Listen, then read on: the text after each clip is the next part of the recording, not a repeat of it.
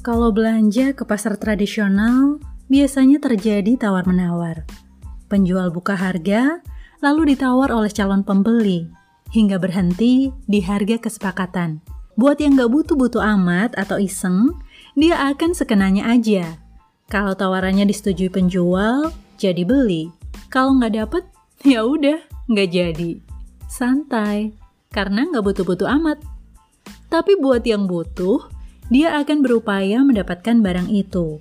Meski misalnya harganya dirasa ketinggian, dia akan menawar sedapatnya dan akhirnya mendapatkan harga yang terbaik.